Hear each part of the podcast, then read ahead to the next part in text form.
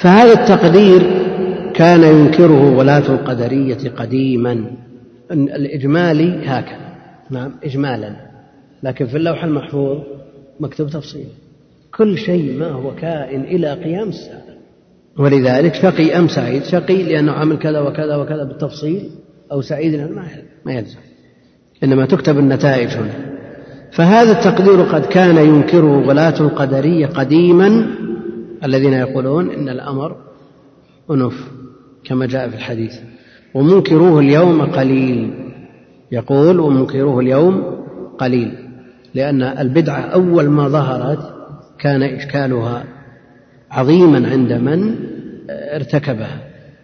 وتكلم عمرو بن عبيد القدر وطرده الحسن البصري من حلقته. واعتزل الناس فسموا معتزلة. وللقاضي عبد الجبار كتاب اسمه طبقات المعتزلة. وذكر في الطبقة الأولى أبا بكر وعمر. وذكر في الطبقة الثانية الحسن البصري.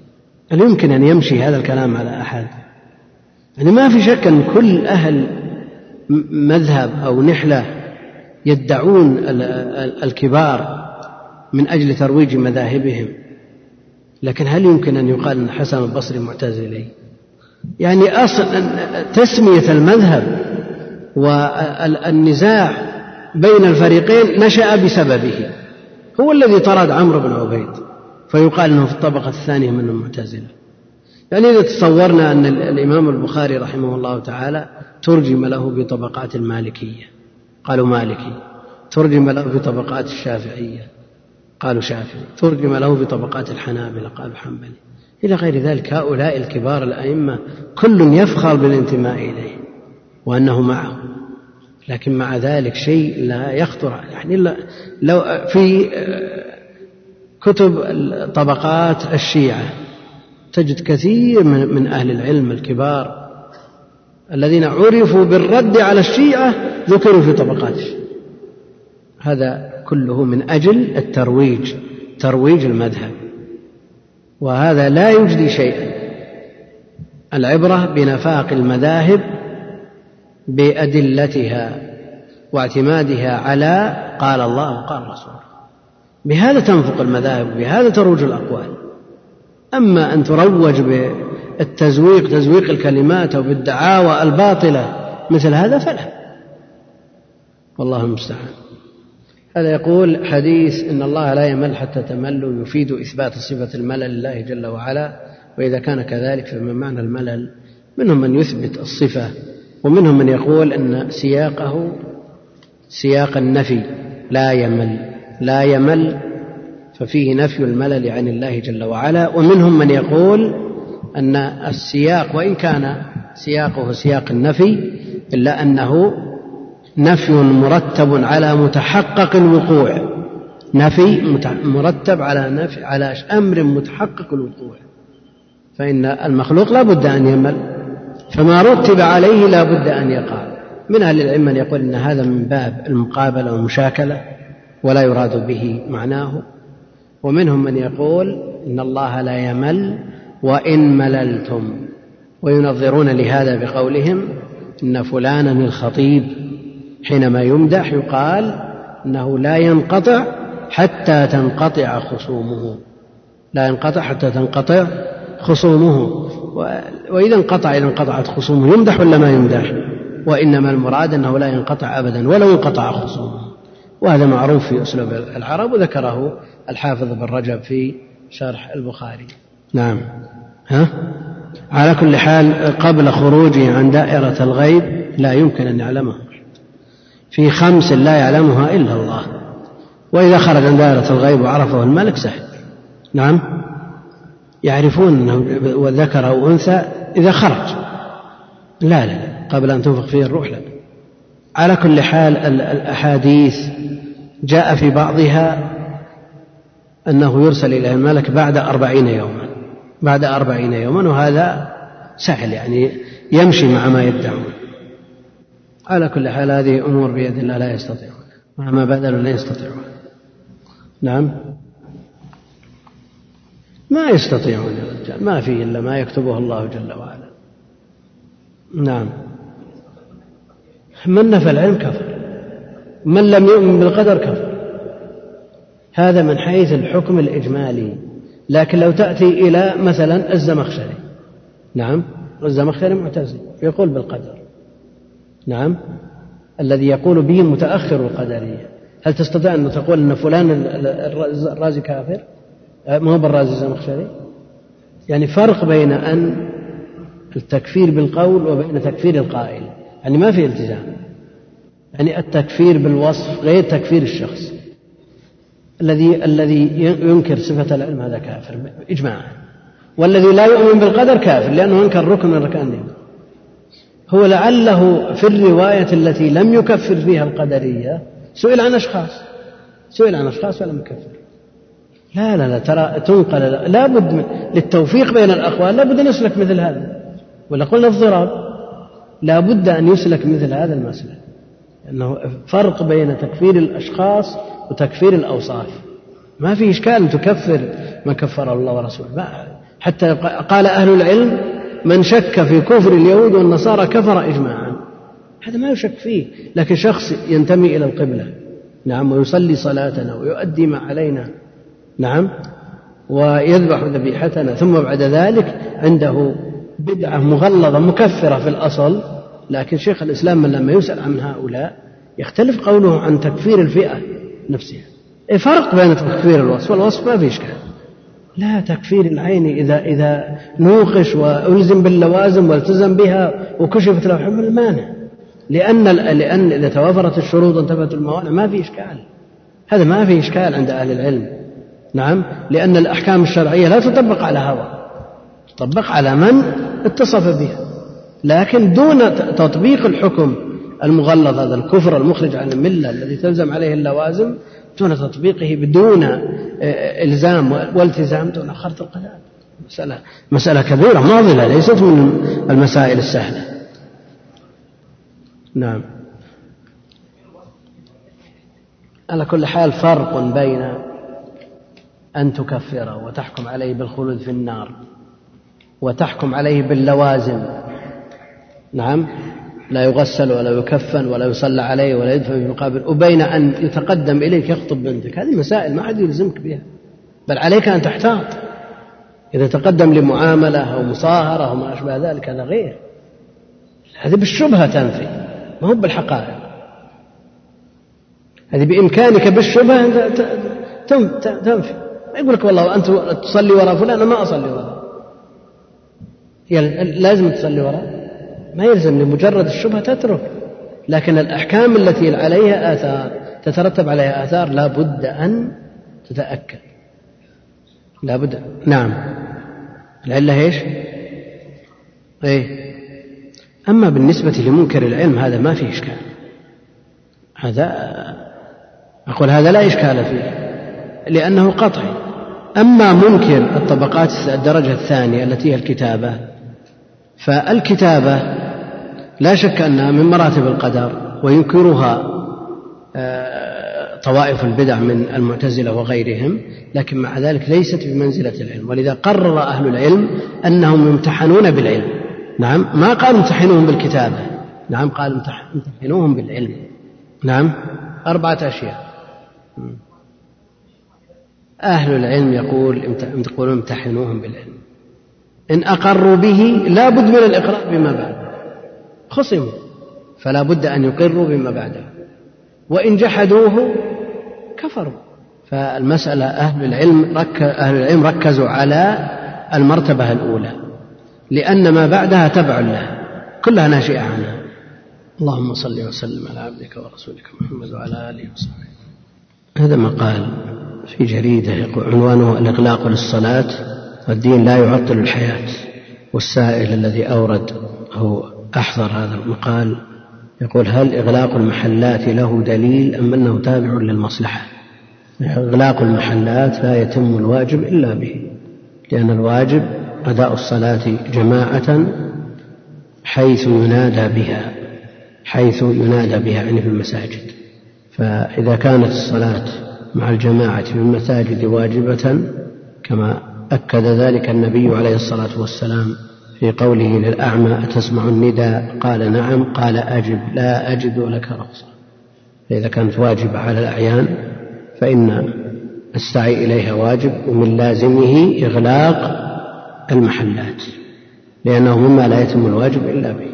ولو فرض أن شخصا قال أنا أذهب إلى المسجد لكنني لست ملزم بإغلاق المحل أتركه مشرعا مفتوحا وأعرضه وأتحمل المسؤولية. لكني لا أغلقه.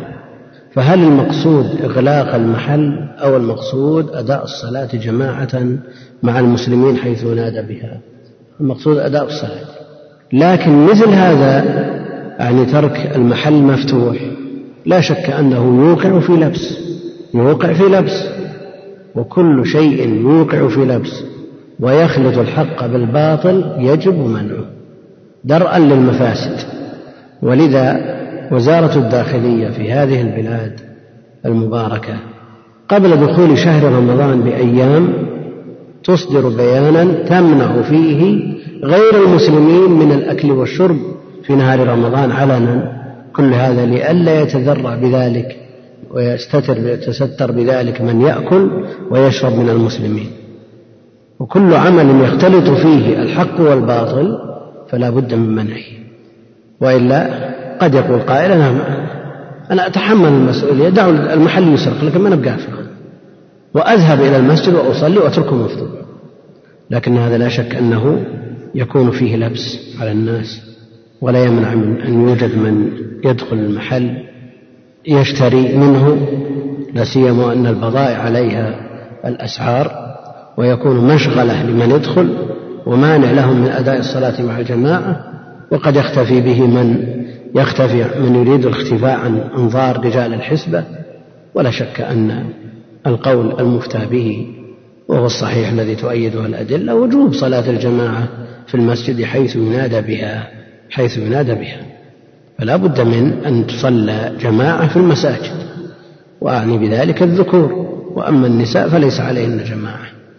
قد يقول قائل لماذا لا يؤذن للنساء؟ تفتح المحلات أثناء الصلاة ولأن هذه المهن هي مهن الرجال وليست مهن النساء والمرأة مطالبة بالقرار في بيتها وقرن في بيوتكن وقرن في بيوتكن وقد يوجد أعمال لا تليق بالرجال وإنما يليق بها النساء لا مانع منها مع الضوابط والحدود الشرعية والنظر في سير سلف هذه الأمة. ولن يصلح آخر هذه الأمة آخر هذه الأمة إلا بما صلح به أوله. والله المستعان.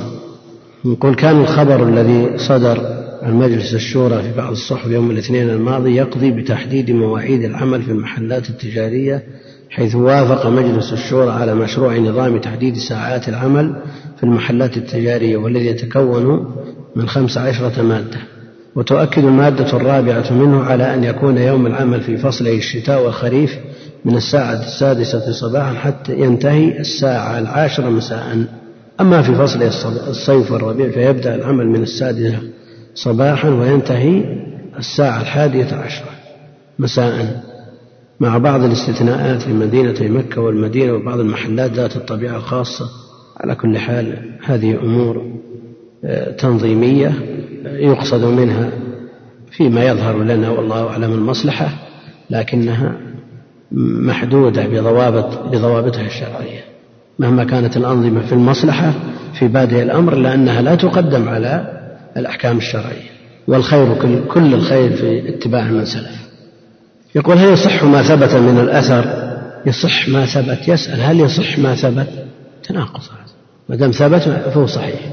يعني ما روي من الأثر أن عمر بن الخطاب رضي الله عنه لما سأله منكر ونكير قال بل أنتما من ربكما. هذا لا أعرف عنه شيئا والذي يغلب على الظن أنه لا يصح. المعلم في المدرسة أو من يقتدي به هل له أن يظهر شيئا من العبادات بقصد أن يقتدي به من هو أقل منه في السن أو أقل منه في العلم؟ الأصل في العبادات لا سيما النوافل أنها تخفى لأنه أقرب إلى الإخلاص. لكن إذا ترتب على إعلانها مصلحة كأن يكون الشخص ممن يقتدى به ويلتفت إليه أو يتهم بحيث إذا ترك الإعلان عن هذه العبادات أنه يتركها بالكلية فإذا أظهرها أحيانا فهو أفضل.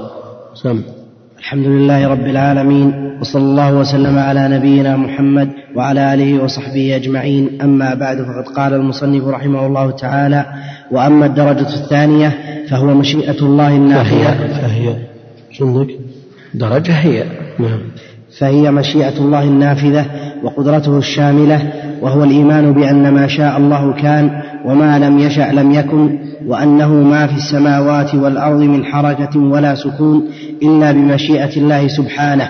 لا يكون في ملكه إلا ما يريد وأنه سبحانه وتعالى على كل شيء قدير من الموجودات والمعدومات.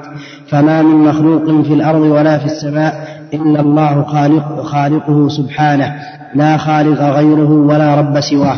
ومع ذلك فقد أمر العباد بطاعته وطاعة, وطاعة رسوله ونهاهم عن معصيته وهو سبحانه يحب المتقين والمحسنين والمقسطين ويرضى عن الذين آمنوا وعملوا الصالحات ولا يحب الكافرين ولا يرضى عن القوم الفاسقين ولا يأمر بالفحشاء ولا يرضى لعباده الكفر ولا يحب الفساد.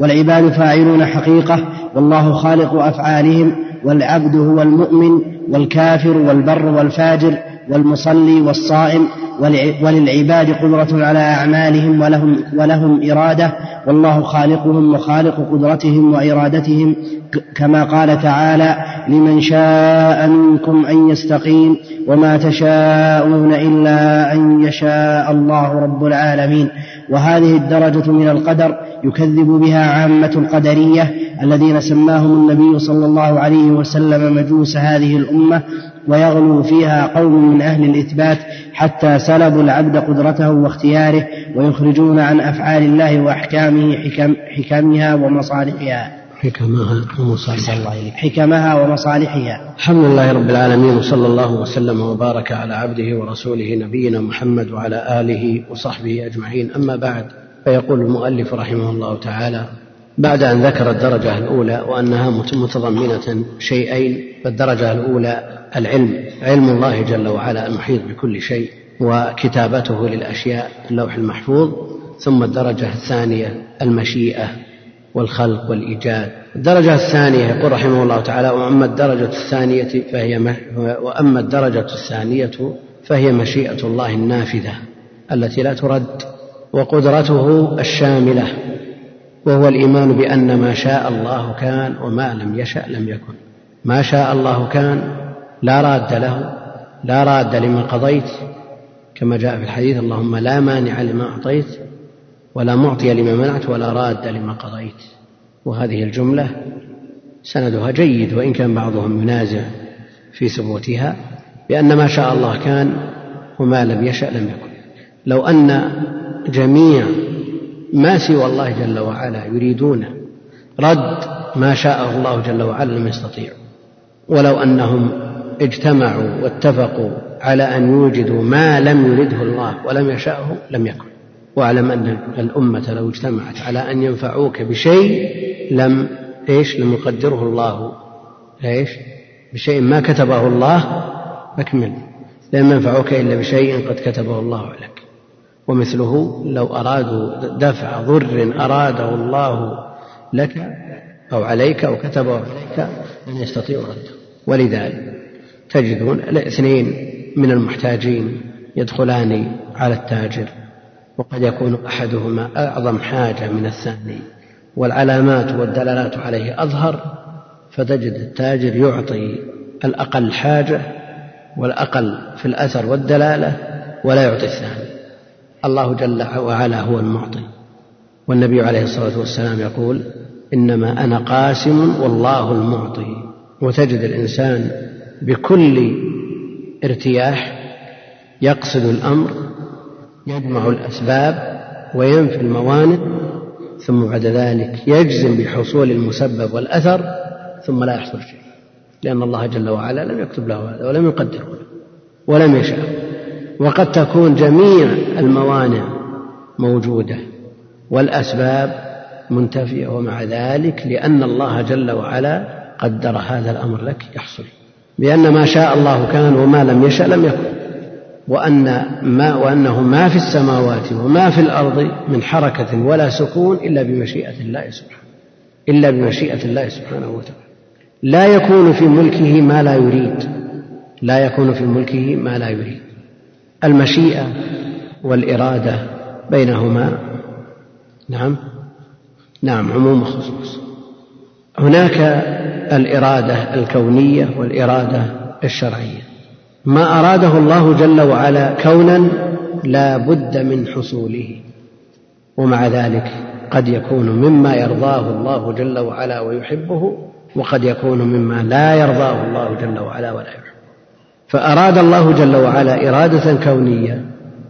من فلان أن يؤمن ومن فلان أن يكفر. فلا بد من تحقق هذا المراد ولا بد من وجوده لكن الله جل وعلا يحب أن يؤمن ويكره أن يكفر الكافر. لا يكون في ملكه ما لا يريد. نعم. على كل حال من قال بالترادف يصح. من قال بالترادف يصح. على نعم لا يكون في ملكه ما لا يريد. نعم. وهذا باعتبار أنها كونية فقط.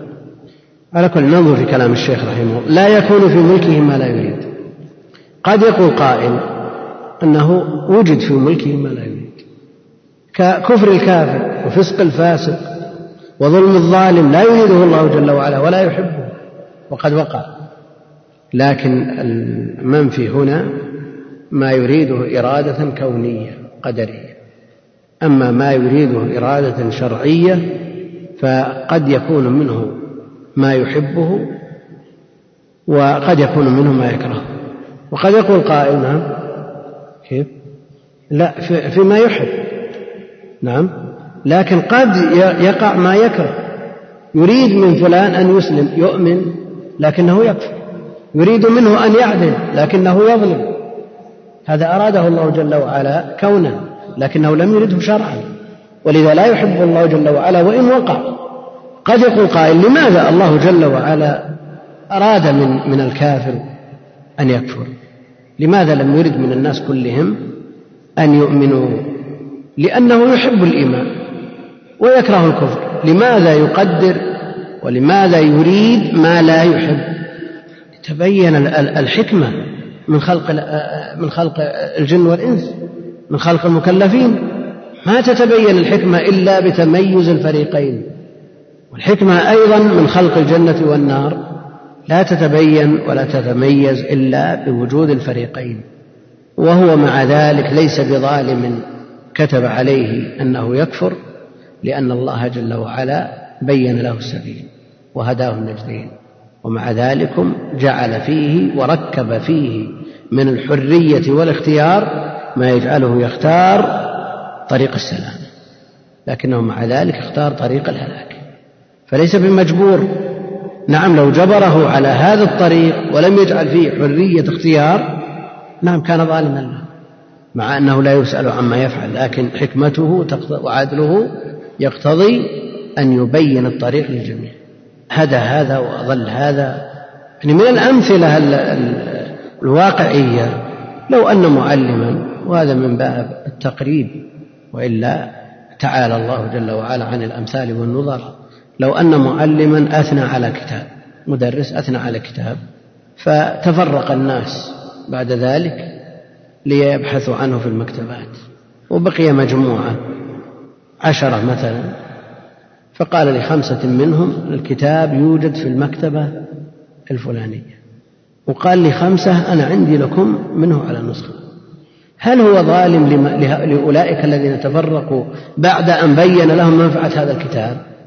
كونه دل بعضهم على المكتبة التي يوجد فيها الكتاب واقتصر عليهم الطريق هذا زيادة فضل. وكونه أيضا أعطى بعض الطلاب من النسخ التي عنده أيضا هذه زيادة الفضل ولكنه لم يظلم أولئك الذين ذهبوا لأنه بين لهم أن هذا الكتاب نافع. وهذا في المخلوق الذي قدرته محدودة وفضله على غيرهم محدود وهو من فضل الله عليه جل وعلا فكيف بصاحب الفضل الأول والآخر؟ الله جل وعلا بين بيانا كافيا شافيا على ألسنة رسله وما أنزله في كتبه بين طريق السلام وطريق الهلاك. فماذا بعد الحق إلا الضلال؟ ولا ولا وليس للخلق على الله حجة. وإذا قال أن الله جل وعلا كتب علي أن أضل نعم فيقال له ما الذي يدريك أن الله كتب عليك أن تضل؟ بين لك طريق السلام الصراط المستقيم وبين لك الطرق الأخرى. لماذا اخترت الطريق الآخر؟ يعني لو قيل لك أن في طريقك إلى البلد الفلاني طريق فيه سباع وطريق سلامة ما في سباع ماذا تختار؟ طريق السلامة بلا شك تختار طريق السلامة. فلماذا لم تختر لدينك الذي هو رأس مالك طريق السلامة وقد بين لك وركب فيك من حرية الاختيار ما يجعلك تميل إليه من غير إجبار. فعلى كل حال آه، ليس للخلق على الله حجة. بعد أن أنزل الكتب وأرسل الرسل وركب فيه من حرية الاختيار وجعل لهم إرادة ومشيئة لكنها تابعة لمشيئة الله جل وعلا وإرادته. وأنه سبحانه على كل شيء قدير من الموجودات والمعدومات. على كل شيء قدير من الموجودات والمعدومات. الموجودات يقدر على إعدامها ويقدر على تغييرها لكن إيجاد الموجود محال. إيجاد الموجود محال. ولذا قالوا من شرط التكليف أن يكون بمعدوم لكي يوجد أما أن يكلف بشيء موجود مستحيل. والمعدومات قدير على إيجادها. قدير على إيجادها. الله جل وعلا على كل شيء قدير. وهذا من العمومات المحفوظة. لا يخرج عن قدرته شيء. والذي شك في قدرة الله جل وعلا فقال لئن قدر الله علي ليعذبني عذابا وصفه فأمر أهله أن يحرقوه إذا مات ويذروه في الهواء. فأمر الله جل وعلا لأجزائه أن تجتمع. فلما اجتمعت قال ما الذي حملك على هذا؟ فالذي حمله على هذا الخوف الخوف الشديد من الله جل وعلا. فمثل هذا عذر بجهله عذر بجهله. هل نقول إن هذا في شرع من قبلنا؟ نعم. عنده وليس عنده إلا التوحيد كما جاء في بعض الروايات. فالعقائد لا يدخلها الناس عند أهل العلم. على كل حال هو عذر وقد يكون في, في ذلك الوقت مغلوبا على عقله. مغلوب على عقله عقله حينما تصرف لا لم يتصرف تصرف العقلاء من شدة الخوف. آه، هنا شيء يذكره المتكلمون وهو تعارض القدر. إن الله على كل شيء قدير. هل يقدر على ذاته المقدسة؟ نعم. أما قدرته على أفعاله هذا مقتضى الأفعال. وأما قدرته على ذاته بخلاف ما كتبه أو قرره أن يفعله فهذا من باب التناقض واجتماع النقيضين. كما قالوا في المثال الذي ذكروه هل يستطيع الرب جل وعلا أن يخلق صخرة لا يستطيع تفتيتها؟ نقول إن كلمة يستطيع ولا يستطيع جمع بين النقيضين وهو محال والمحال ليس بشيء. فلا يدخل في قوله على كل شيء قدير وليس بشيء أصلا كما قرر ذلك شيخ الإسلام رحمه الله. فما من مخلوق في الأرض ولا في السماء إلا الله خالقه سبحانه لا خالق غيره ولا رب سواه. لا خالق غيره سبحانه ولا رب سواه. ومع ذلك فقد أمر العباد بطاعته وطاعة رسله ونهاهم عن معصيته. الله جل وعلا الخالق المتفرد بالخلق. وهذه هي المرتبة الرابعة. المتفرد بالخلق. وفي هذا رد على القدرية الذين يزعمون القدرية النفاة. الذين يزعمون أن لا قدر وأن الأمر أنف وأن الإنسان يخلق فعله. ومع ذلك فقد أمر العباد بطاعته وطاعة رسله ونهاهم عن معصيته. وهو سبحانه يحب المتقين والمحسنين والمقسطين لأن هذه أمور يحبها ويرضاها وأمر بها وأرادها واجتمعت فيها الإرادتان الشرع الكونية والشرعية. في من تحققت فيه من المتقين والمحسنين والمقسطين. ويرضى عن الذين آمنوا وعملوا الصالحات. ولا يحب الكافرين. لأنهم لم يحققوا الإرادة الشرعية. وإن نفذت فيهم المشيئة الكونية. ولا يحب الكافرين ولا يرضى عن القوم الفاسقين. والفسق كما يطلق على المعاصي يطلق أيضا على الكفر ولا يرضى عن القوم الفاسقين ولا يأمر بالفحشاء. لا يأمر بالفحشاء لكنها قد تقع. وهل وقوعها معارض لقوله لا يكون في ملكه ما لا يريد؟ لا. تقع كونا ولا شرعا؟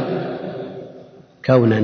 ولا يأمر بها ولا ولا يحبها ولا يرضى لعباده الكفر ولا يحب الفساد. كل هذا تفصيل وتفريع على ما تقدم. من أن المشيئة الكونية والإرادة الكونية لا بد من نفاذها والإرادة الشرعية يحبها الله ويرضاها لكن قد تتحقق وقد لا تتحقق لحكمة عظيمة. هنا الشيخ ابن مانع علق على الواسطية. قال الإرادة نوعان إحداهما الإرادة الكونية المستلزمة لوقوع المراد التي يقال فيها ما شاء الله كان وما لم يشاء لم يكن والثانية الإرادة الدينية الشرعية وهذه لا تستلزم وقوع المراد إلا أن يتعلق بها النوع الأول من الإرادة. يقول في أوائل فتح المجيد بحث مفيد في الفرق بين الإرادتين فليراجعه طالب التحقيق.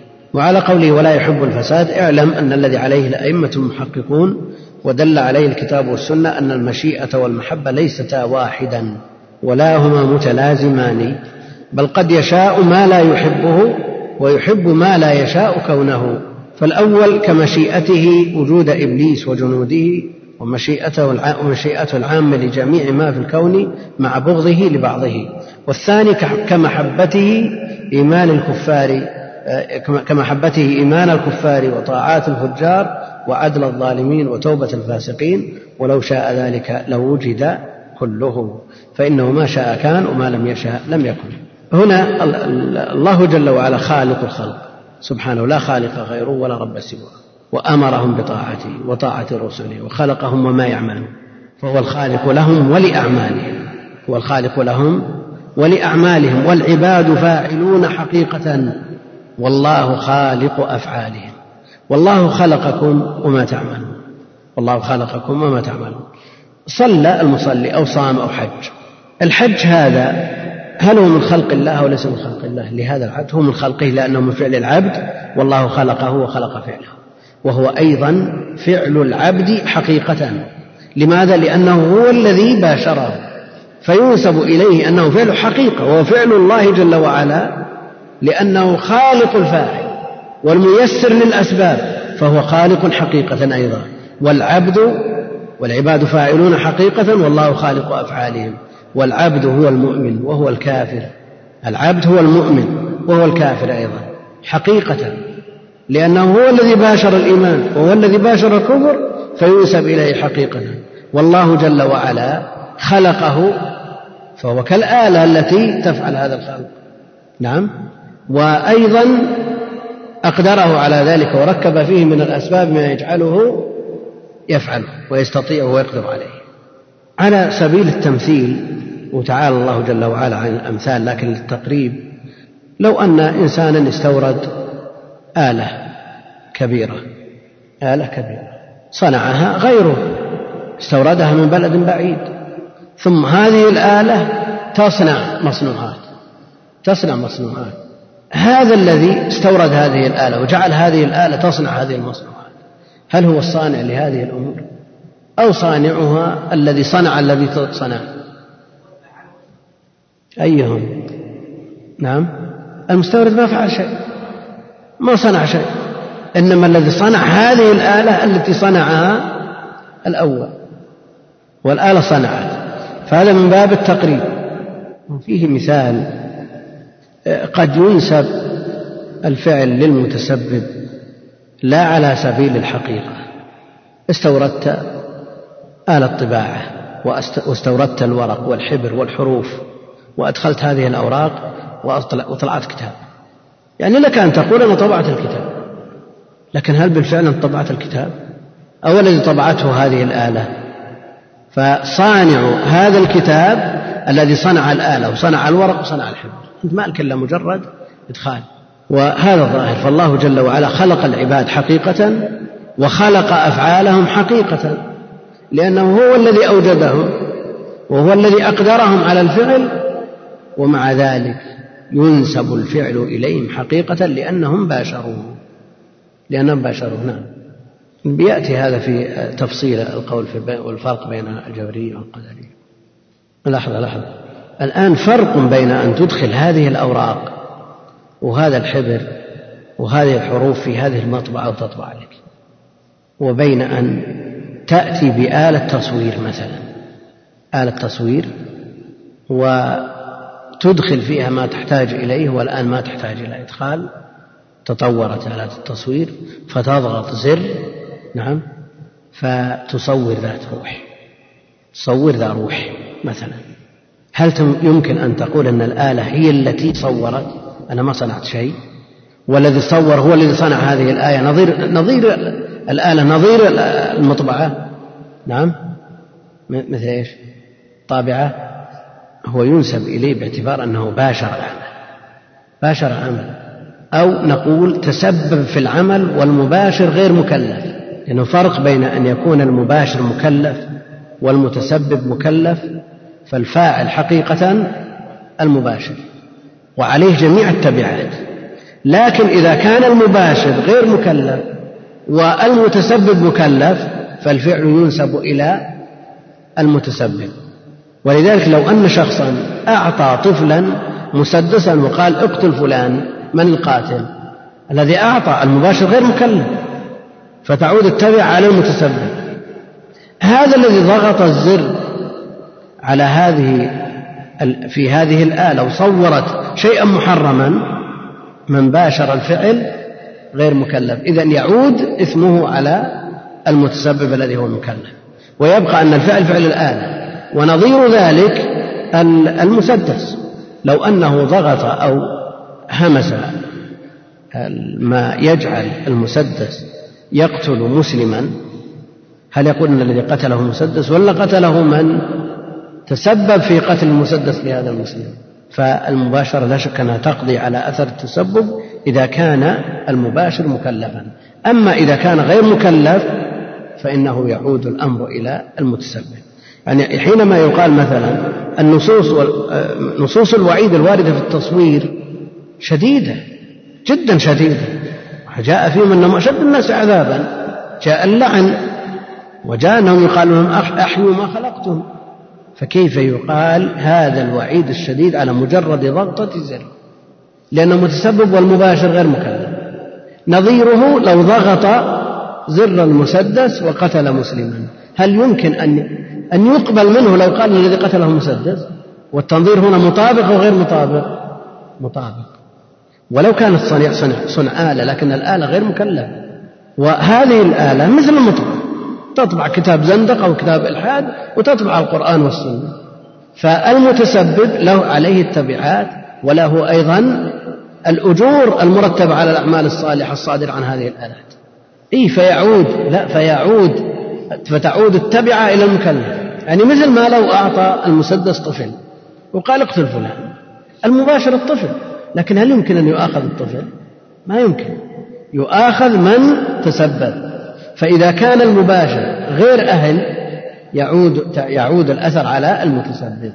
والعبد هو المؤمن والكافر والبر والفاجر والمصلي والصائم. هذه أمور تعود خلقوها وفعلوها حقيقة مع أن الله جل وعلا خلقها حقيقة.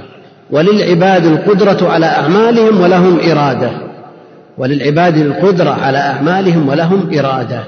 في هذا الباب زلت طائفتان القدرية وإذا أطلقوا يراد بهم النفاة الذين هم مجوس هذه الأمة كما جاء في آه، بعض الأخبار وسيأتي الكلام عنهم.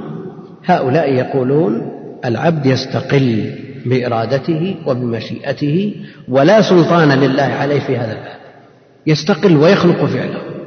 ويقابلهم الجبرية. الجبرية يقولون العبد مجبور. العبد مجبور. ما دام مكتوب عليه أنه يكفر يمكن أن يتخلف عن هذا ما يمكن. فهو مجبور وحركته فيما يفعل كحركة الشجر. ويقولون يستدلون بمثل وما رميت إذ رميت ولكن الله رمى. وما رميت إذ رميت ولكن الله رمى. والآية في حقيقتها رد عليهم وهي رد على الطائفتين وما رميت هذا رد على من؟ على القدرية النفاة إذ رميت هذا رد على الجبرية أثبت لهم الرمي ولكن الله رمى. ويكون المعنى على هذا وما أصبت إذ حذفت ولكن الله هو المصيب. أنت الآن فعلت الحذف. في أحد يمنعك من أن تأخذ حصاة وتلقيها على غيرك؟ ألا تستطيع أن تفعل هذا؟ في يوم من الأيام جرب واحد وما قدر؟ نعم. يوم من الأيام واحد أخذ حصاة بيرميها وعجز إذا فيه قدرة فيه حرية يرمي أو لا يرمي. ففي هذا رد على الجبرية. لكن هل كل من رمى أصاب؟ لا في هذا رد على آه، القدرية ولهم إرادة والله خالقهم وخالق قدرتهم وإرادتهم. كما قال الله جل وعلا لمن شاء منكم أن يستقيم وما تشاءون إلا أن يشاء الله. رب لمن شاء منكم أن يستقيم. أثبت لهم مشيئة لكنها مشيئة تابعة لمشيئة الله جل وعلا وإرادته ولذا قالوا ما تشاءون إلا أن يشاء الله رب العالمين. الكفار يحتجون بالمشيئة على كفرهم. نعم. يحتجون بالمشيئة على كفرهم. هل قبل منهم هذا الاحتجاج؟ هل عذروا بهذا الاحتجاج أبدا؟ آدم عليه السلام احتج بالقدر. احتج بالقدر لما حاجة موسى عليه السلام. لما قال له أنت أبو البشر خلقك الله بيده وأسجد لك ملائكته أخرجتنا ونفسك من الجنة.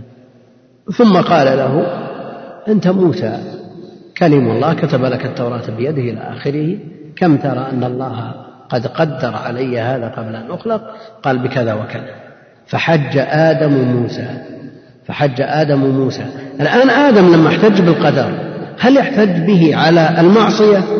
أو على المصيبة الناتجة على عن هذه المعصية. لأن المعصية محى أثرها بالتوبة.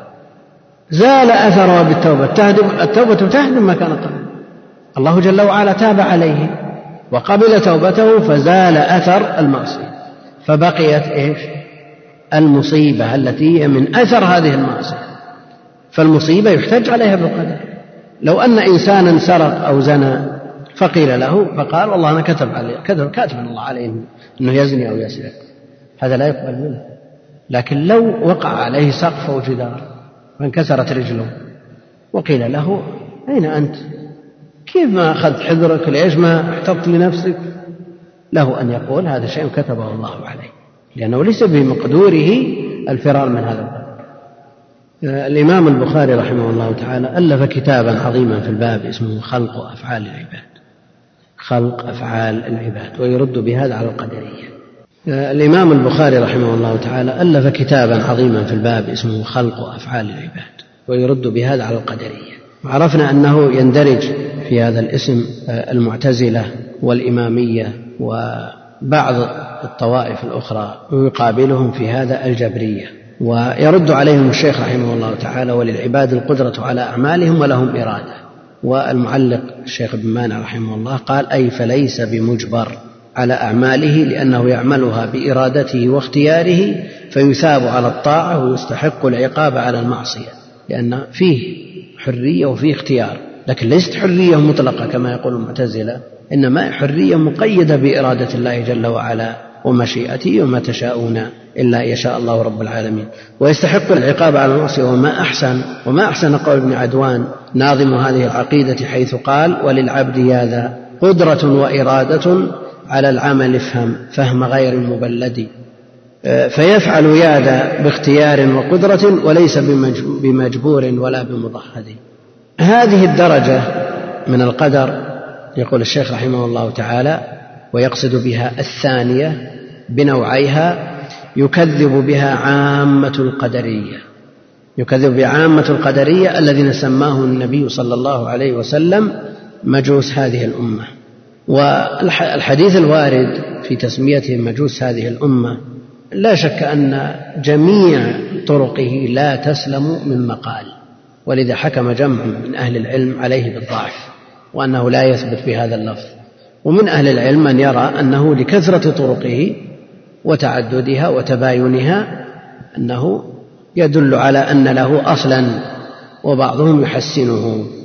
وجه الشبه بين القدرية والمجوس أنهم أثبتوا خالقا مع الله جل وعلا كقول المجوس أنهم يثبتون خالقين وهؤلاء يثبتون مع الله جل وعلا خالقا يخلق فعله والخالق هو الله جل وعلا وحده لا شريك له. مجوس هذه الأمة ويغلو فيها قوم من أهل الإثبات إثبات القدر ويريد بهم الجبرية. حتى سلبوا العبد قدرته واختياره ويخرجون عن أفعال الله وأحكامه حكمها ومصالحها. يقول الله جل وعلا كما أمر بالإيمان له أن يأمر بالكفر من غير فرق. كما أمر بالإيمان له أن يأمر بالكفر. ولا فرق بين أن يقال آمنوا وبين أن يقال اكفروا لأن العبد آلة. العبد مثل الآلة مجبور. مثل الآلة الطابعة التي تودع فيها الكتاب النافع والكتاب الضار. ما عليها لوم. هل تلام الآلة حينما يطبع بها كتاب الإلحاد؟ وهل تمدح إذا طبع فيها مصحف مثلا؟ هو مثل الآلة سواء قيل له آمن أو قيل له اكفر لكن هل بالفعل أن المكلف مثل الآلة. ولا المجانين يقولون مثل هذا الكلام.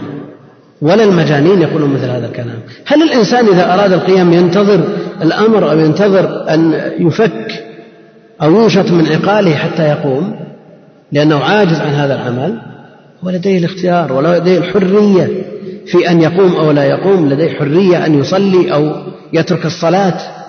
هذه حرية اختيار لكن لكل عمل تبعته. الشرعية. فإن صلى أجر على صلاته وبرئ من عهدة الواجب وإن تخلف عن الصلاة أثم وعوقب على آه، تفريطه. لأن مثل ما ذكرنا سابقا لو أن إنسانا أخذ حجرا وأراد أن يرميه فيما يمنعه من أن يرمي؟ ما فيما يمنعه. وذكرنا أنه هل جرب واحد منا مرة في عمره أنه أراد أن يقذف حجر ما استطاع؟ إذا حركاته تابعة لحريته واختياره. ومع أن اختياره وحريته ومشيئته وإرادته كلها لا تخرج عن مشيئة الله جل وعلا. ويغلو فيها قوم من أهل الإثبات. آه، المعلق هنا علق آه، تعليق في غير موضعه. قال من أهل الإثبات أي لأنهم أثبتوا خالقا لما اعتقدوه شرا غير الله. هذا كلام صحيح؟ ليس هذا موضع. نعم. ويغلو فيها قوم من أهل الإثبات عن الجبرية. والذين أثبتوا خالقا لما اعتقدوه غير الله هم القدرية.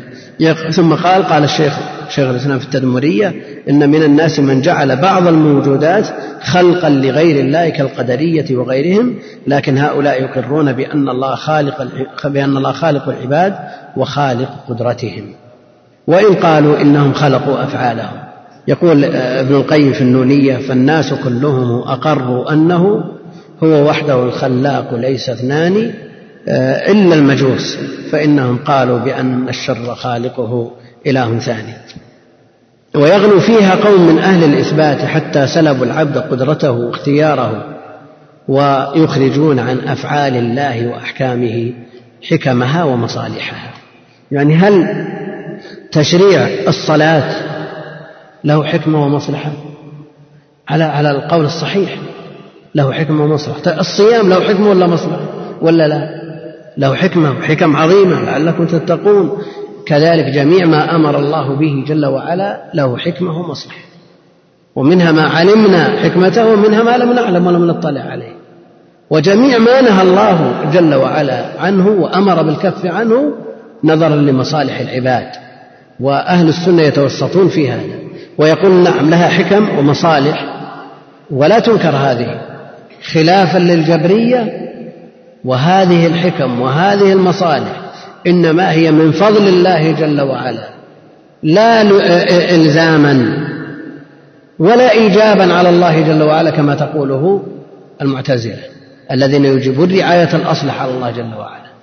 نعم الله جل وعلا آه، شرع الشرائع لمصالح لمصالح الخلق لكنه من فضله تفضل بهذه المصالح ورعاها وقرر الأحكام على ضوئها خلافا للجبرية الذين ينزعون هذه الحكم وهذه المصالح وخلافا للمعتزلة الذين يوجبون هذه الحكم وهذه المصالح على الله جل وعلا.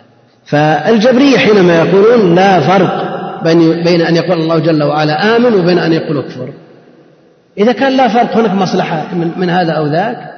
ليس هناك مصلحة إنما هو مجرد الاختبار في الامتثال.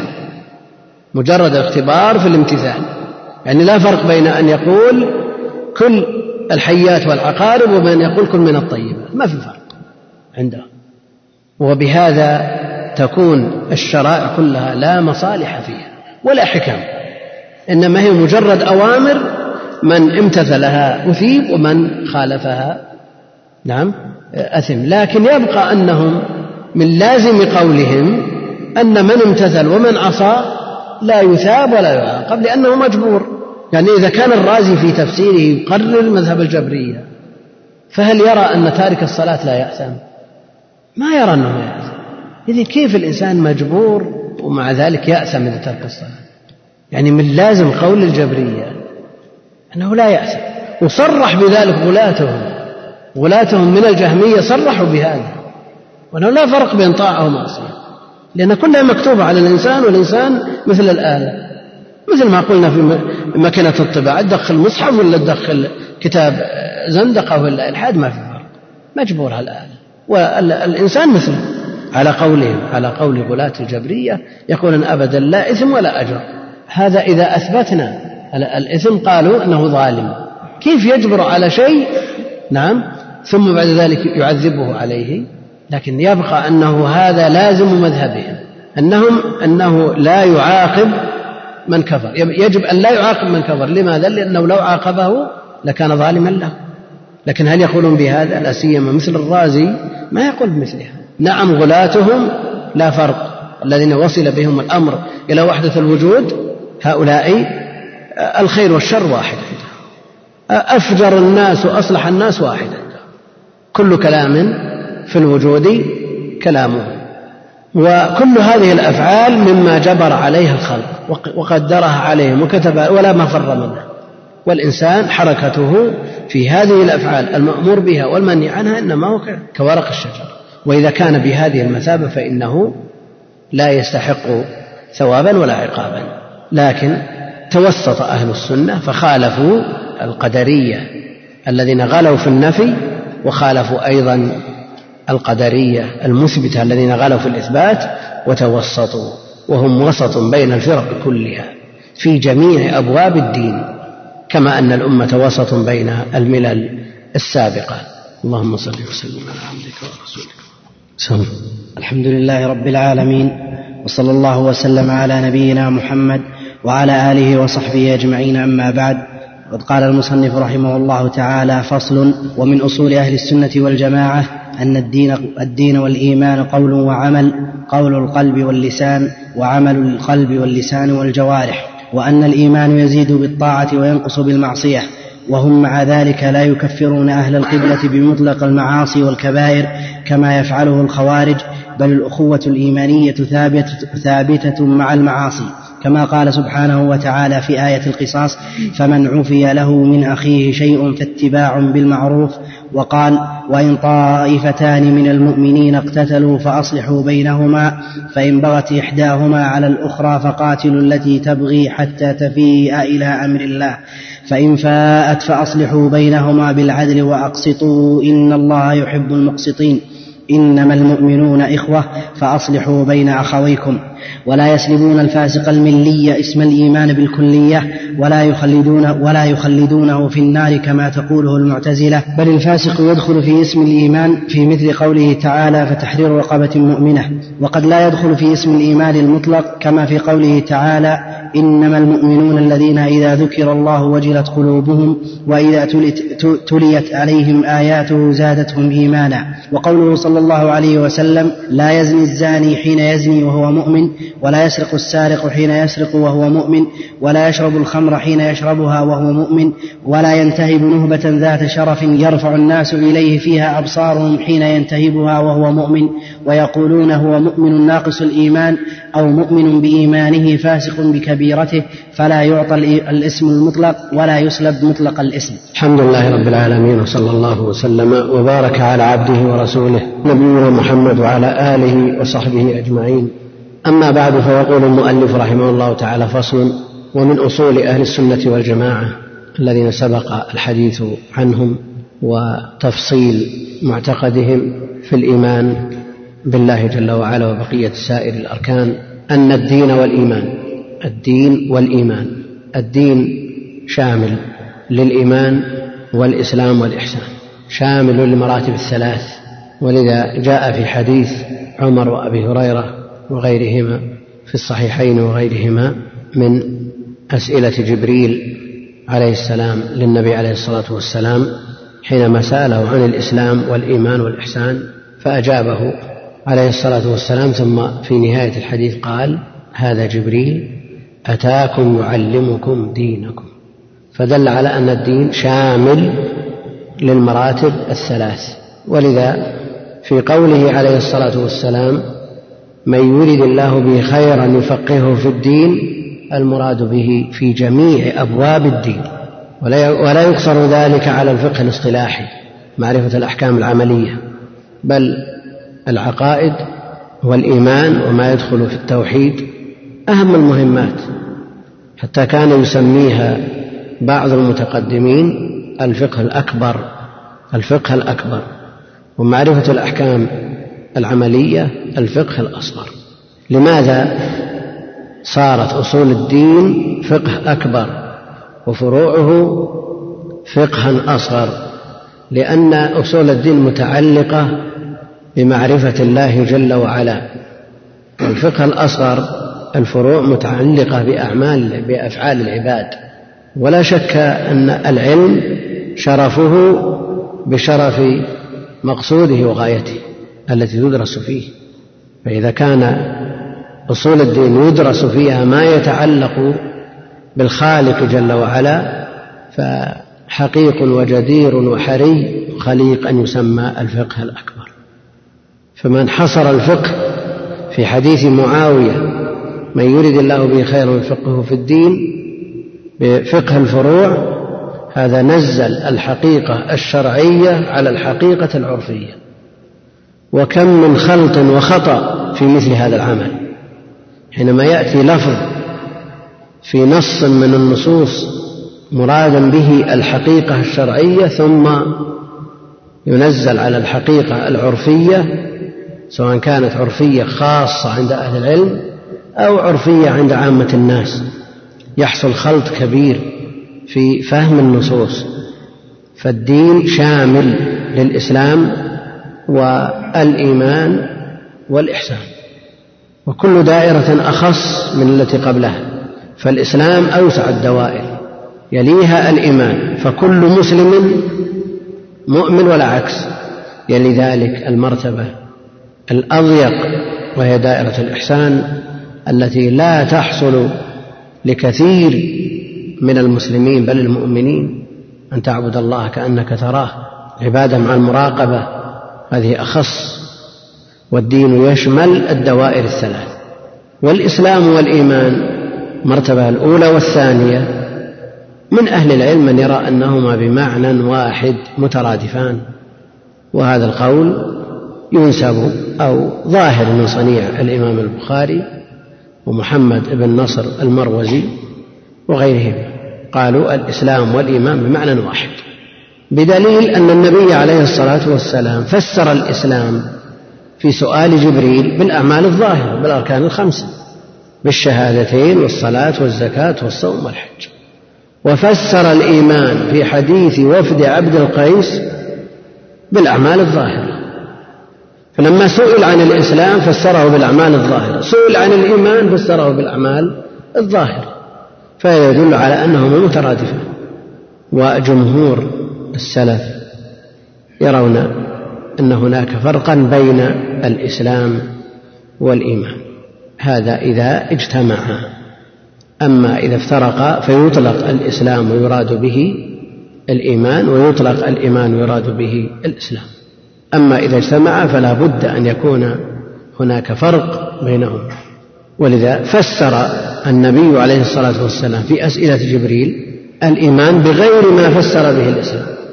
ولو كانت حقيقتهما واحدة لا أجاب حينما سأله عن الإسلام ثم لما سأله عن الإيمان قال هو كالإسلام أو هو الإسلام أو أحاله على الجواب السابق.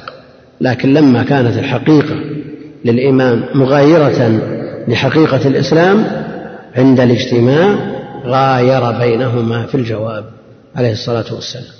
يقول من أصول أهل السنة والجماعة أن الدين والإيمان قول وعمل قول وعمل. الدين والإيمان يعني عطف الإيمان على الدين من باب عطف الخاص على العام من باب عطف الخاص على العام. لأن الدين أشمل وأعم من الإيمان يشمل الإسلام ويشمل الإحسان. في قوله جل وعلا إن الدين عند الله الإسلام. إن الدين عند الله الإسلام. هذا أسلوب حصر. من أين جاء الحصر؟ من تعريف جزئي الجملة وهذا يدل على الحصر. فالدين هو الإسلام. الذي لا يرتضي الرب جل وعلا غيره من أحد. من يبتغي غير الإسلام دينا فلا يقبل منه. الآن الآية التي فيها حصر الدين في الإسلام هل هي هل فيها معارضة ومخالفة لحديث جبريل؟ أو أن المراد بالدين هنا الإسلام والإسلام أفرد فيطلق على الإيمان؟ نعم. لكنه مع ذلك لما أفرد الإسلام دخل فيه الإيمان. لما أفرد هنا في هذه الآية دخل فيه الإيمان. أن الدين والإيمان قول وعمل. قول القلب واللسان وعمل القلب واللسان والجوارح. الدين والإيمان قول وعمل. لا بد من أن يتضافر القلب مع اللسان مع الجوارح. قول القلب واللسان وعمل القلب واللسان والجوارح. سئل بعض المرجئة عن الإيمان فقال قول وعمل. فقال الإمام أحمد رحمه الله هذا أخبث قول. لماذا؟ يعني الشيخ يقرر أن أصول أهل السنة الإيمان قول وعمل. والمرجئ لما قال ومرجئ ما هو من مرجئة الفقهاء اللي أمرهم يعني ليس مثل مرجئة الجهمية. لا هذا من مرجئة الجهمية. قول وعمل. نعم؟ نعم يريد بذلك. لا يريد بذلك عمل الجوارح. ولا يريد بذلك قول اللسان. إنما يريد به قول القلب الذي يشبه في حقيقته حديث النفس وعمل القلب. ولذا قال الإمام أحمد هذا أخبث قول لأنه يعرف القائل. يعرف القائل لا يعترف بما يعترف به أهل السنة والجماعة مما ذكره عنهم شيخ الإسلام أن الإيمان قول وعمل وذلك لو استفصل ما جاء بما ذكر شيخ الإسلام من قول القلب واللسان وعمل القلب واللسان والجوارح. ولذا قد يتطابق القولان من شخصين وكل قول يتنزل على حسب قائله.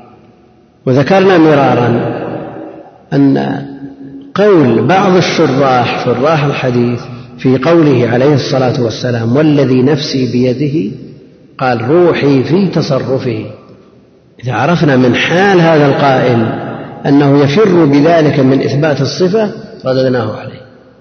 قلنا هذا كلام باطل لأنه يفر من إثبات الصفة. وإذا عرفنا من حاله أنه يثبت صفة اليد لله جل وعلا على ما يليق بجلاله وعظمته نقول هذا قول مقبول. ما في أحد روحه ليست في تصرف الله جل وعلا. تفسير باللازم. لكن قد يقول قائل أنكم تكيلون للناس بمكيالهم. تقبلون هذا الكلام من شيخ الإسلام لمن قول وعمل وتقولون في قول الآخر أخبث قول. هذا كلام صحيح ولا لا؟ ليس بصحيح. لماذا؟ لأنه هو الذي أنزل نفسه بهذه المنزلة. يعني لما يستفصل يقال إنه قول وعمل هل تريد بالعمل عمل الجوارح عمل القلب؟ والقول قول اللسان؟ معروف من مذهبه أنه يرى أن المعرفة هي الإيمان. وعلى هذا إبليس مؤمن عنده. والمشركون الذين عرفوا الله جل وعلا في حال الشدة كلهم مؤمنون عنده إبليس قال فبعزتك اذا هو مؤمن عند عند ويعتقد هذا القول ثم يقول من باب المداراة أو المداهنة قول وعمل بعض الناس يصير عنده شيء من من من الذكاء الذي لا يقارنه زكاء فيتصرف في بعض العبارات من أجل أن تمشي على من لا يعرف حقيقة الأمر. ذكروا عن الزمخشري أنه افتتح تفسيره بقوله الحمد لله الذي خلق القرآن. فقيل له أنت مجنون يعني كتابك لن يقرأ. ثم غير خلق وجعله وقال هي معنى. فمثل هذه لا تجدي. كلام على ما وقر في القلب من الاعتقاد الصحيح. إنما الألفاظ التي لا توافق ما في القلب هذه لا قيمة لها. بل فيها مشابهة لعمل المنافقين الذين يظهرون بألسنتهم ما ليس في قلوبهم. على كل حال نعود إلى كلام الشيخ رحمه الله. حينما قال قول وعمل يريد بذلك قول اللسان وعمل القلب وعمل الجوارح. ولذا قال قول القلب واللسان وعمل القلب واللسان والجوارح. يعني القول قول القلب وأيضا قول اللسان لو قال الإيمان قول فقط ثم فسره بقوله قول القلب واللسان والجوارح يكفي ولا ما يكفي؟ وعمل الجوارح قد يطلق عليه قول فقال بيديه هكذا يعني هذا يمكن يكون غاية الاختصار قول ويريد بذلك قول اللسان وقول القلب وعمل الجوارح. لأن قول. لأن عمل الجوارح يطلق عليه قول. فقال بيديه هكذا. يكفي ولا ما يكفي؟ يعني لو أن الإنسان معروف بسلامة العقيدة ثم قيل لهم عرف الإيمان فقال قول. ثم قيل له فسر قال قول القلب واللسان والجوارح.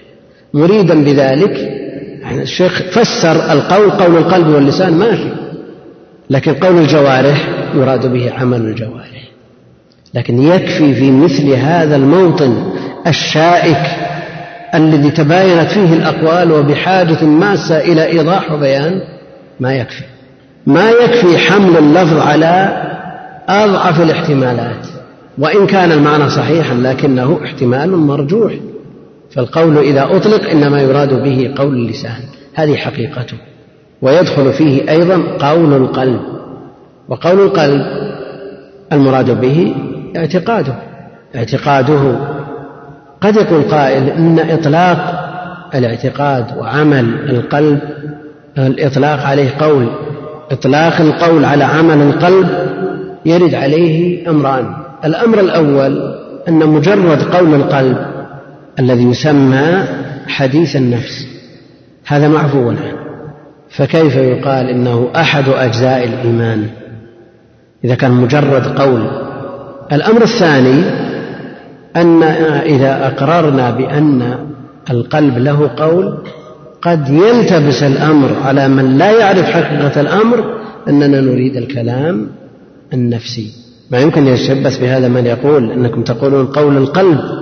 إذا كان القلب يقول ففي النفس كلام لكن هل المراد حقيقة القول لنلزم بهذه اللوازم أو لا؟ بمعنى أن القول لو أن الإنسان قرأ القرآن بقلبه أو جاء بالأذكار المطلوبة في الصلاة بقلبه يكفي ولا ما يكفي؟ ما يكفي. ما يكفي لابد من تحريك اللسان والشفتين ليسمى قول. المقصود أن الشيخ يريد زيادة في الإيضاح فيدخل في الإيمان ما يتعلق بالقلب واللسان والجوارح. فقال قول القلب واللسان. أما بالنسبة لقول القلب فالمراد به الاعتقاد الجازم الذي لا يخالطه ريب ولا شك. وقول اللسان معروف هذا لا يتردد في مع فهمه أحد. وهو الأصل في إطلاق الكلمة القول إنها باللسان. وعمل القلب من الحب لله جل وعلا ولرسوله ولدينه ولأوليائه والبغض لأعدائه والخوف والرجاء والتوكل والرغبة والرهبة والخشية كل هذه من أعمال القلب من أعمال القلب وأعمال القلوب كثير وعمل القلب واللسان عمل اللسان ما لا يؤدى إلا به كتلاوة القرآن مثلا والأذكار وما أوجبه الله جل وعلا مما ينطق به وطلبه في دينه سواء كان على جهة اللزوم كالواجبات من ذلك النطق بالشهادتين التي لا يدخل الإنسان الإسلام إلا بهما. أمرت أن أقاتل الناس حتى يقولوا لا إله إلا الله فلا بد من هذا. والجوارح عمل الجوارح ظاهر كالصلاة والصيام وإن كان الغالب فيه الترك إلا أن الترك عمل. الترك عمل لئن قعدنا والنبي يعمل فذاك منا العمل المضلل. اسمه عمل وهو بالفعل عمل. الحج عمل جوارح الجهاد عمل جوارح وغير ذلك من شرائع الدين هذا واضح. وهذه الأمور كلها سواء منها ما يتعلق بالقلب أو اللسان أو الجوارح داخلة في مسمى الإيمان وهي أجزاؤه وهي أجزاؤه وهذا هو معتقد أهل السنة والجماعة. والجهمية يرون أن الإيمان هو المعرفة الإيمان المعرفة إذا عرفت الله جل وعلا يكفي. ولا شك أن هذا القول قول خبيث منقوض. بدلائل الكتاب والسنة. على هذا إبليس مؤمن لأنه يعني يعرف الله جل وعلا وأقسم بعزته. وفرعون مؤمن وقد ألفوا في إيمان فرعون وألفوا في إيمان أبي طالب. ممن جاءت نصوص الكتاب الصريحة بكفرهم صلى الله السلامة والعافية. فعلى قول الجهمية كل من عرف الله جل وعلا فهو مؤمن ولو كان من أكفر الناس ولو كان إبليس. يقابلهم الكرامية الذين قالوا الإيمان قول اللسان فقط. ولو لم يوافقه القلب فجعلوا المنافقين مؤمنين. مجرد ما يقول أشهد أن لا إله إلا الله وأن محمدا رسول الله هذا مؤمن عندهم. والمنافقون يقولونه. والمرجئة يرون أن الإيمان قول واعتقاد والعمل لا يدخل في مسمى الإيمان. مجرد التصديق بالقلب واللسان يكفي والناس في أصله سواء. الناس في أصله سواء. بنوا على ذلك أنه لا يزيد ولا ينقص. وأهل السنة لما جعلوا العمل عمل الجوارح من مسمى الإيمان قالوا يزيد وينقص. وعليه دلائل الكتاب والسنة. زادهم إيمانا زادهم هدى. والبخاري ذكر من الآيات ثمان في صحيحه تدل على الزيادة تدل على الزيادة. ولذا من أهل العلم من يرى أن الإيمان يقبل الزيادة ولا يقبل النقص. وأهل السنة يقولون يزيد وينقص لأن ما قبل الزيادة يقبل النقص. الذي يقبل الزيادة يقبل النقص بلا شك. ويستدل بعضهم على النقص بحديث ما رأيتم من ناقصات عقل ودين. ففيه نقص في الدين بالنسبة للمرأة. ما رأيتم من ناقصات عقل ودين. أسلب للب الرجل الحازم منكن على كل حال القول المتفق عليه بين أهل السنة أن الإيمان قول واعتقاد وعمل. عمل قلب قول لسان قول قلب وعمل. لسان وقلب وجوارح. هذه الأمور مجتمعة هي التي ينتج عنها الإيمان. وأثر العمل في الإيمان زيادة ونقصا لا ينكره إلا مكابر. لا ينكره إلا مكابر. تفسير الإيمان بالتصديق الذي جعل المرجئة يقولون أن أن المؤمنين في أصله سواء لأنهم كلهم اتفقوا في التصديق. تصديق القلب واللسان وهذا لا يتفاوت. إنما التفاوت في العمل والعمل ليس من أصل الإيمان عندهم. تفسير الإيمان بالتصديق وما أنت بمؤمن لنا أي مصدق الحقائق الشرعية. كما قرر شيخ الإسلام رحمه الله تعالى في كتاب الإيمان أنها تأتي مقررة للحقائق اللغوية وتزيد عليها وتزيد عليها. الذي يقول إن الإيمان هو التصديق فقط. نظير من يقول إن الصلاة هي الدعاء فقط. فهل يقول المرجئة أن الصلاة هي الدعاء فقط؟ ادعو وانصرف. هذه حقيقة لغوية وهذه حقيقة لغوية. الحقيقة الشرعية جاءت إلى الحقيقة اللغوية وزادت عليها قيود. في الإيمان مثلا وفي الصلاة أيضا. فإذا قلنا أن الحقيقة اللغوية التصديق وافقتها الحقيقة الشرعية من غير زيادة عليها نقول بمثل هذا في الصلاة والزكاة لا يمكن أن يقول أي شخص لا مرجئ ولا غير مرجئ أن الصلاة المراد بها الدعاء من غير ركوع ولا سجود ولا قراءة ولا على الصفة الواردة عن النبي عليه الصلاة والسلام. ظاهر ما هو ظاهر هم لجأوا إلى الحقيقة اللغوية قالوا هذا الإيمان. وما زاد على ذلك لا يدخل في حقيقة الإيمان. نقول حقيقة الصلاة اللغوية الدعاء. إذا ما زاد عليها لا يدخل في حقيقة الصلاة. شيخ الإسلام رحمه الله يقرر أن الشرع لا يلغي الحقائق اللغوية لا يلغيها إنما يأتي إلى هذه الحقائق ويزيد عليها قيود تكون من الحقيقة لهذه اللفظة شرعا. فإذا كان الشرع زاد على الحقيقة الأصلية التصديق هذا إذا وافقنا أن الإيمان مساو من كل وجه للتصديق. هذا إذا وافقناهم على هذا على سبيل الجدل. سلمنا جدلا أن الإيمان مساو للتصديق مع أن الإيمان يكون تصديق يصحبه أمور من الارتياح والطمأنينة والإيقان. قد تصدق لكن أنت غير مرتاح. قد تصدق وأنت غير موقن بما يقال. وأما بالنسبة للإيمان فلا بد من الطمأنينة واليقين معه. على أن حقيقته الشرعية هي ما جاءت به النصوص وأن الإيمان يزيد بالطاعة وينقص بالمعصية. يزيد دلت على ذلك نصوص الكتاب والسنة وأما النقص فما قبل الزيادة يقبل النقص وما رأيت من ناقصات عقل ودين يدل على النقص وأيضا هذا أمر محسوس يدركه كل شخص. تليت عليهم آياته زادتهم إيمانا. زادتهم إيمانا. يعني هل يستوي شخص منصرف عن الدين إلى إلى دنياه يؤدي العبادات البدنية على وجه مجزي أو غير مجزي بدون حضور قلب مسقطا للواجب فقط؟ هل يستوي هذا مع من يقبل على صلاته بكليته؟ خاشع متضرع متذلل بين يدي الله جل وعلا؟ لا يستوون. وكذلك من يقرأ القرآن من الخوارج الذين وصفهم النبي عليه الصلاة والسلام أنهم يقرؤون القرآن لا يجاوز تراقيه. هل يستوي هذا مع من يخشع إذا قرأ القرآن وتدبر القرآن؟ يخر على الأذقان يبكي وهذا يقرأ ما كأنه يقرأ إلا جريدة يستوون؟ لا. ولذا شيخ الإسلام رحمه الله يقرر أن قراءة القرآن على الوجه المأمور به تزيد في الإيمان تزيد في اليقين تزيد في الطمأنينة تزيد في الهدى.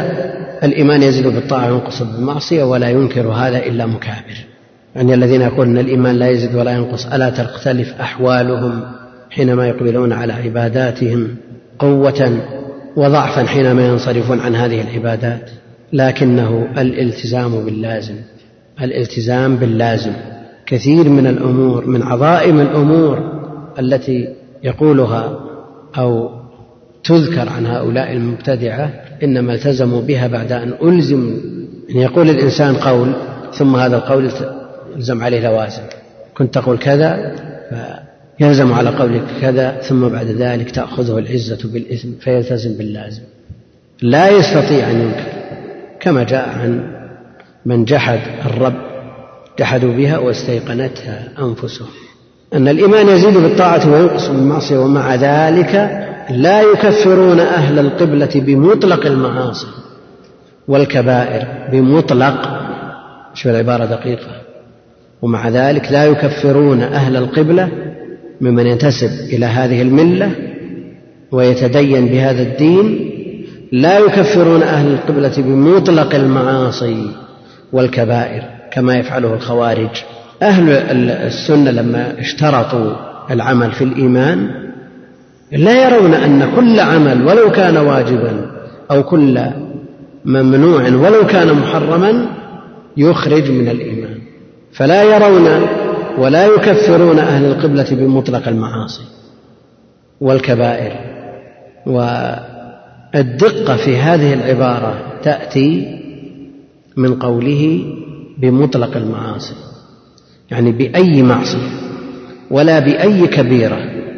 ولذا لا ينتفي الجنس بهذه العبارة وإن انتفت الآحاد. وإن انتفت الآحاد.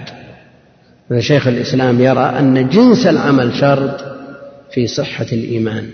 لا آحاد العمل. لا آحاد الأعمال الواجبة ولا الكبائر.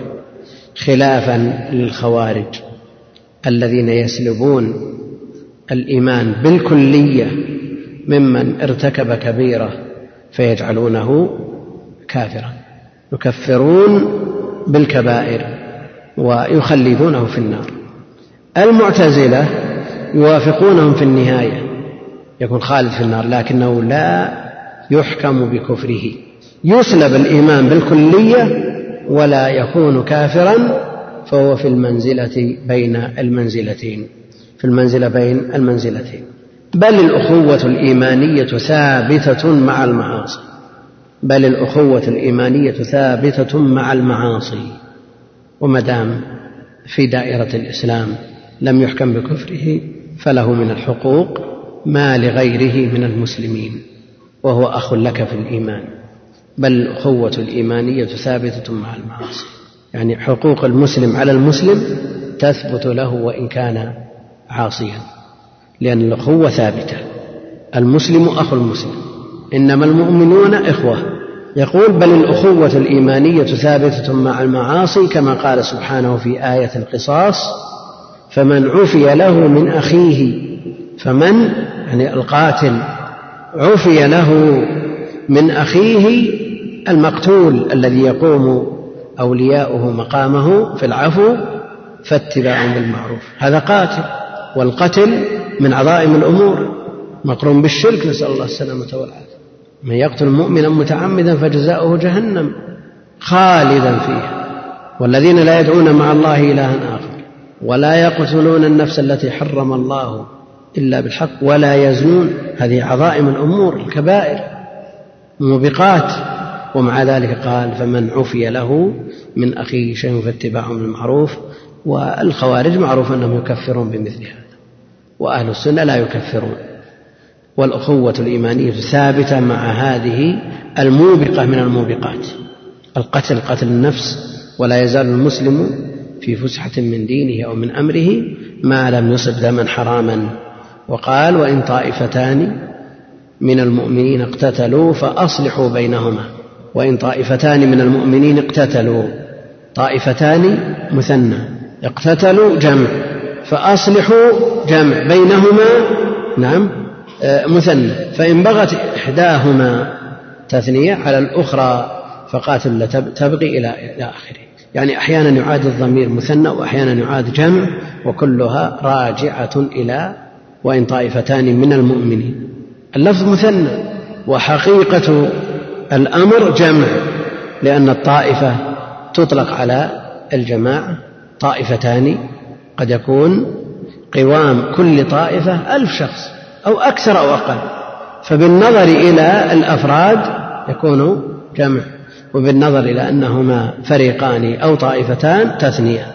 فيعاد الضمير على إرادة أفراد هاتين الطائفتين وهم جمع ويعاد الضمير على جنس الطائفتين وهو تثنية وإن طائفتان من المؤمنين اقتتلوا اقتتلوا قتال من العظائم من المحرمات المجمع عليها اقتتلوا ولم يسلب عنهم وصف الإيمان. قال وإن طائفتان من المؤمنين اقتتلوا فأصلحوا بينهما.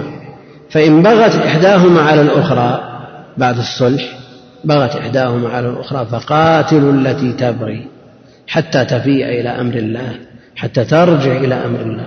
فإن فاءت فأصلحوا بينهما بالعدل إن رجعت مرة ثانية وفاءت إلى أمر الله فأصلحوا بينهما بالعدل. يعني لا يكن أو لا يكون هذه البغي مرة ثانية حامل على ظلمهم فأصلحوا بينهما بالعدل وأقسطوا اعدلوا بينهم. إن الله يحب المقسطين. يعني أهل العدل والإنصاف والمقسطون على منابر من نور يوم القيامة. الذين يعدلون في أنفسهم وأهليهم وما ولوا أهل العدل والإنصاف على منابر من نور يوم القيامة بخلاف القاسطين.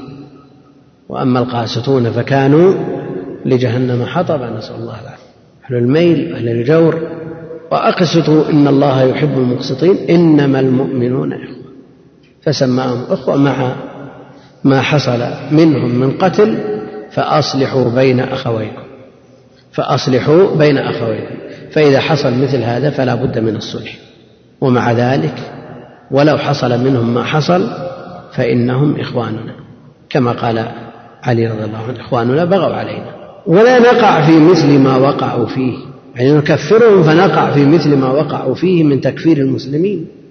بل هم إخوتنا وهم مؤمنون لكنهم على خطر عظيم من إراقة هذه الدماء.